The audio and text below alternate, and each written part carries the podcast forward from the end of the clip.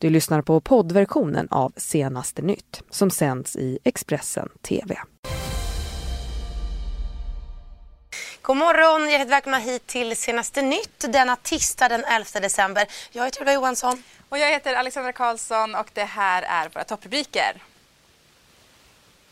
Annie Lööf nobbade Löfven. Tre månader efter valet är Sverige fortsatt utan regering. Talmannen i nya samtal med partiledarna.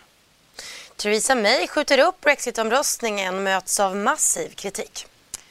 Och igår var det Nobelfesten, årets julklapp på både kronprinsessan och kulturministern. Mm, men vi ska börja med en skottlossning i Brämaregården på Hissingen igår kväll. Eh, flera personer larmade polisen om att man hört skottlossning och vid midnatt så meddelade ju sen polisen att man inlett en förundersökning om försök till mord och grovt vapenbrott. Mm, fyra personer har anhållits under natten misstänkta för just då eh, försök, eh, eller mordförsök ska säga, och grovt vapenbrott uppger nu polisen till TT. Det är fortfarande oklart om det var en skarp skottlossning och eh, vi ska säga att vid kvart över tolv natten till tisdag så hade polisen eh, fortfarande inte hittat någon skadad person. Men polisen ska däremot ha säkrat teknisk bevisning. Mm, och med det tar vi oss in i politikens värld. För igår så meddelade ju eh, Centerpartiets Annie Lööf att eh, Centern kommer att rösta nej till eh, Stefan Löfven i statsministeromröstningen efter att förhandlingarna med Socialdemokraterna brutit samman. Och detta då trots att Socialdemokraterna gjort en rad eftergifter. Enligt uppgifter till DN så ska Socialdemokraterna varit villiga att slopa värnskatten, gå med på fri hyressättning i nyproduktion samt eh, utöka möjligheterna till familjeåterförening. Mm, S ska också ha varit villiga att ge parterna ett år på sig att själva ändra turordningsreglerna och om de inte gjorde det så skulle man då gå in med lagstiftning, det är enligt DNs uppgifter. Men Centern ska vilja ta tydligare formuleringar om vad lagstiftning då skulle innebära samt ville partiet få igenom då fri hyressättning i även det redan befintliga beståndet. På pressträffen sa också Annie Lööf att Vänsterpartiets inflytande på Socialdemokraterna är mycket problematiskt för Centerpartiet. Alltså, talmannen bestämmer ju den fortsatta processen och eh, vi kommer att rösta nej till eh, en kommande statsministeromröstning om Stefan Löfven. Jag upplever att Socialdemokraterna inte är beredda att klippa banden med deras tidigare samarbete med Vänsterpartiet och gå helhjärtat in i ett samarbete i mitten. Och eh, den här inflytandet från Vänsterpartiet är mycket, mycket problematiskt för oss.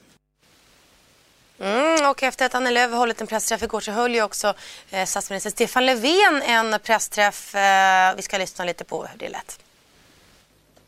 Nu har den här processen gått i stå. Eh, det kvarvarande steget var att eh, förankra nu det här förhandlingsresultatet i respektive parti. Jag har fått stöd av mitt parti.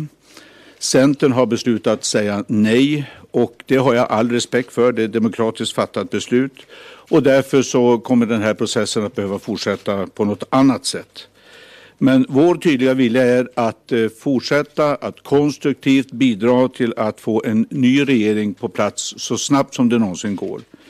Vi är eh, fortsatt redo att göra eftergifter, att bjuda till. Oavsett vad vi når fram till så kommer det att vara en kompromiss för alla parter. Så måste det helt enkelt vara.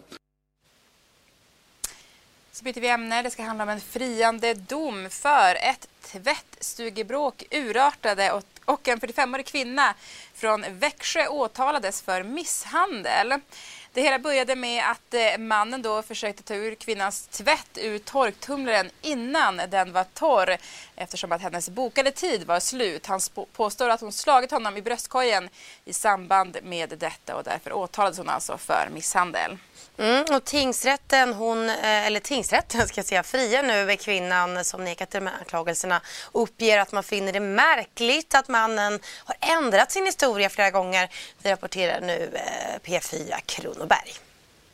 Och eh, med det så tar vi oss eh, utrikes eh, för inför hotande nederlag så skjuter nu Storbritanniens regering upp sin stora brexitomröstning i parlamentet. Det här meddelade premiärminister Theresa May igår.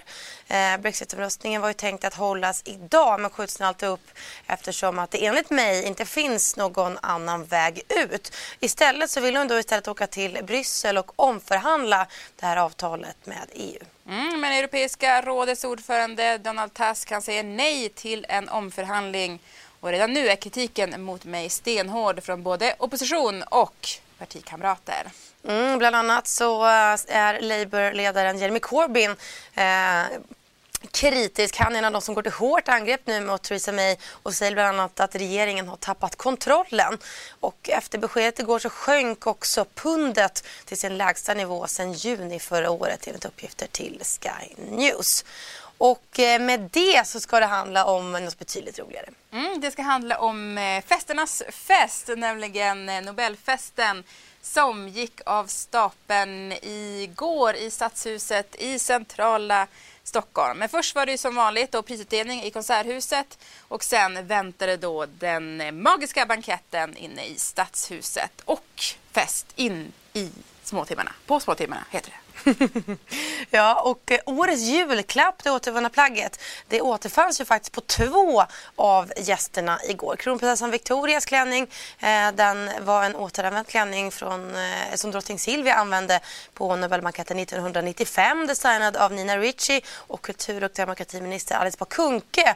Hon hade en klänning av återvunna material från Stockholms Stadsmission. Årets Nobelfest var som vanligt en kavalkad av både hyllningar till vetenskapen och Nobelpristagarna och glamour i form av klänningar, frackar och lyxig mat. Men det är som en saga att vara här. Man får nypa sig i armen för att inse att det som man har sett, jag har visserligen varit på det här en gång för 16 år sedan, men det som man ser på TV varje år, får man sitta och smaka och uppleva samtalen och alla vackra dekorationer och Varmrätten som var skapad av Tom Sjöstedt bestod av ugnsbakad rotselleri med kantarellkräm och svampsmör. Men när det var dags för den serveringen så hände det som inte fick hända. Här ser man att det krävs en viss träning hos eh, serveringspersonalen att stå och hålla sin tallrik. Och här tappar han den på Dan Larhammar, Vetenskapsakademins preses, som knappt verkar märka någonting. Nej, han var cool. Ja, en olycka kan lätt hända men vissa etikettbrott kan vara ett aktivt val. En snackis blev U2-gitarristen David The Edge Howell Evans som under hela banketten bar mössa. Cold out there, I just want to tell you. It is. Och efter Nobelmiddagen blev det som vanligt dans i Gyllenesalen. Vi kan väl konstatera att eh, efter den här festen, då börjar efterfesten. Ja, och det hölls eh, ju naturligtvis en hel del också minnesvärda tal under eh, Nobelfesten igår. Det gjorde det. Donna Strickland, eh, hon är ju den tredje kvinnan någonsin och den första på 55 år som tilldelades Nobelpriset i fysik. Och när hon höll sitt tal rev hon av både applåder och skratt. It's truly an amazing feeling when you know that you have built something that no one else ever has. And it actually works. There really is no excitement quite like it, except for maybe getting woken up at five in the morning because the Royal Swedish Academy of Sciences also thinks it was an exciting moment for the field of laser physics.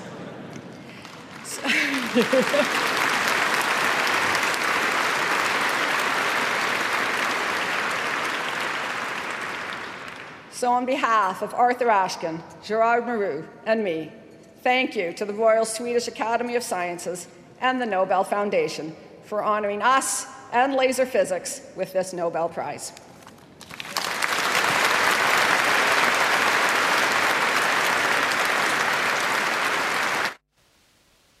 Mm, det här var allt vi hade här från senaste nytt den här tisdagen. Men mer nyheter hittar ni naturligtvis på Expressen.se.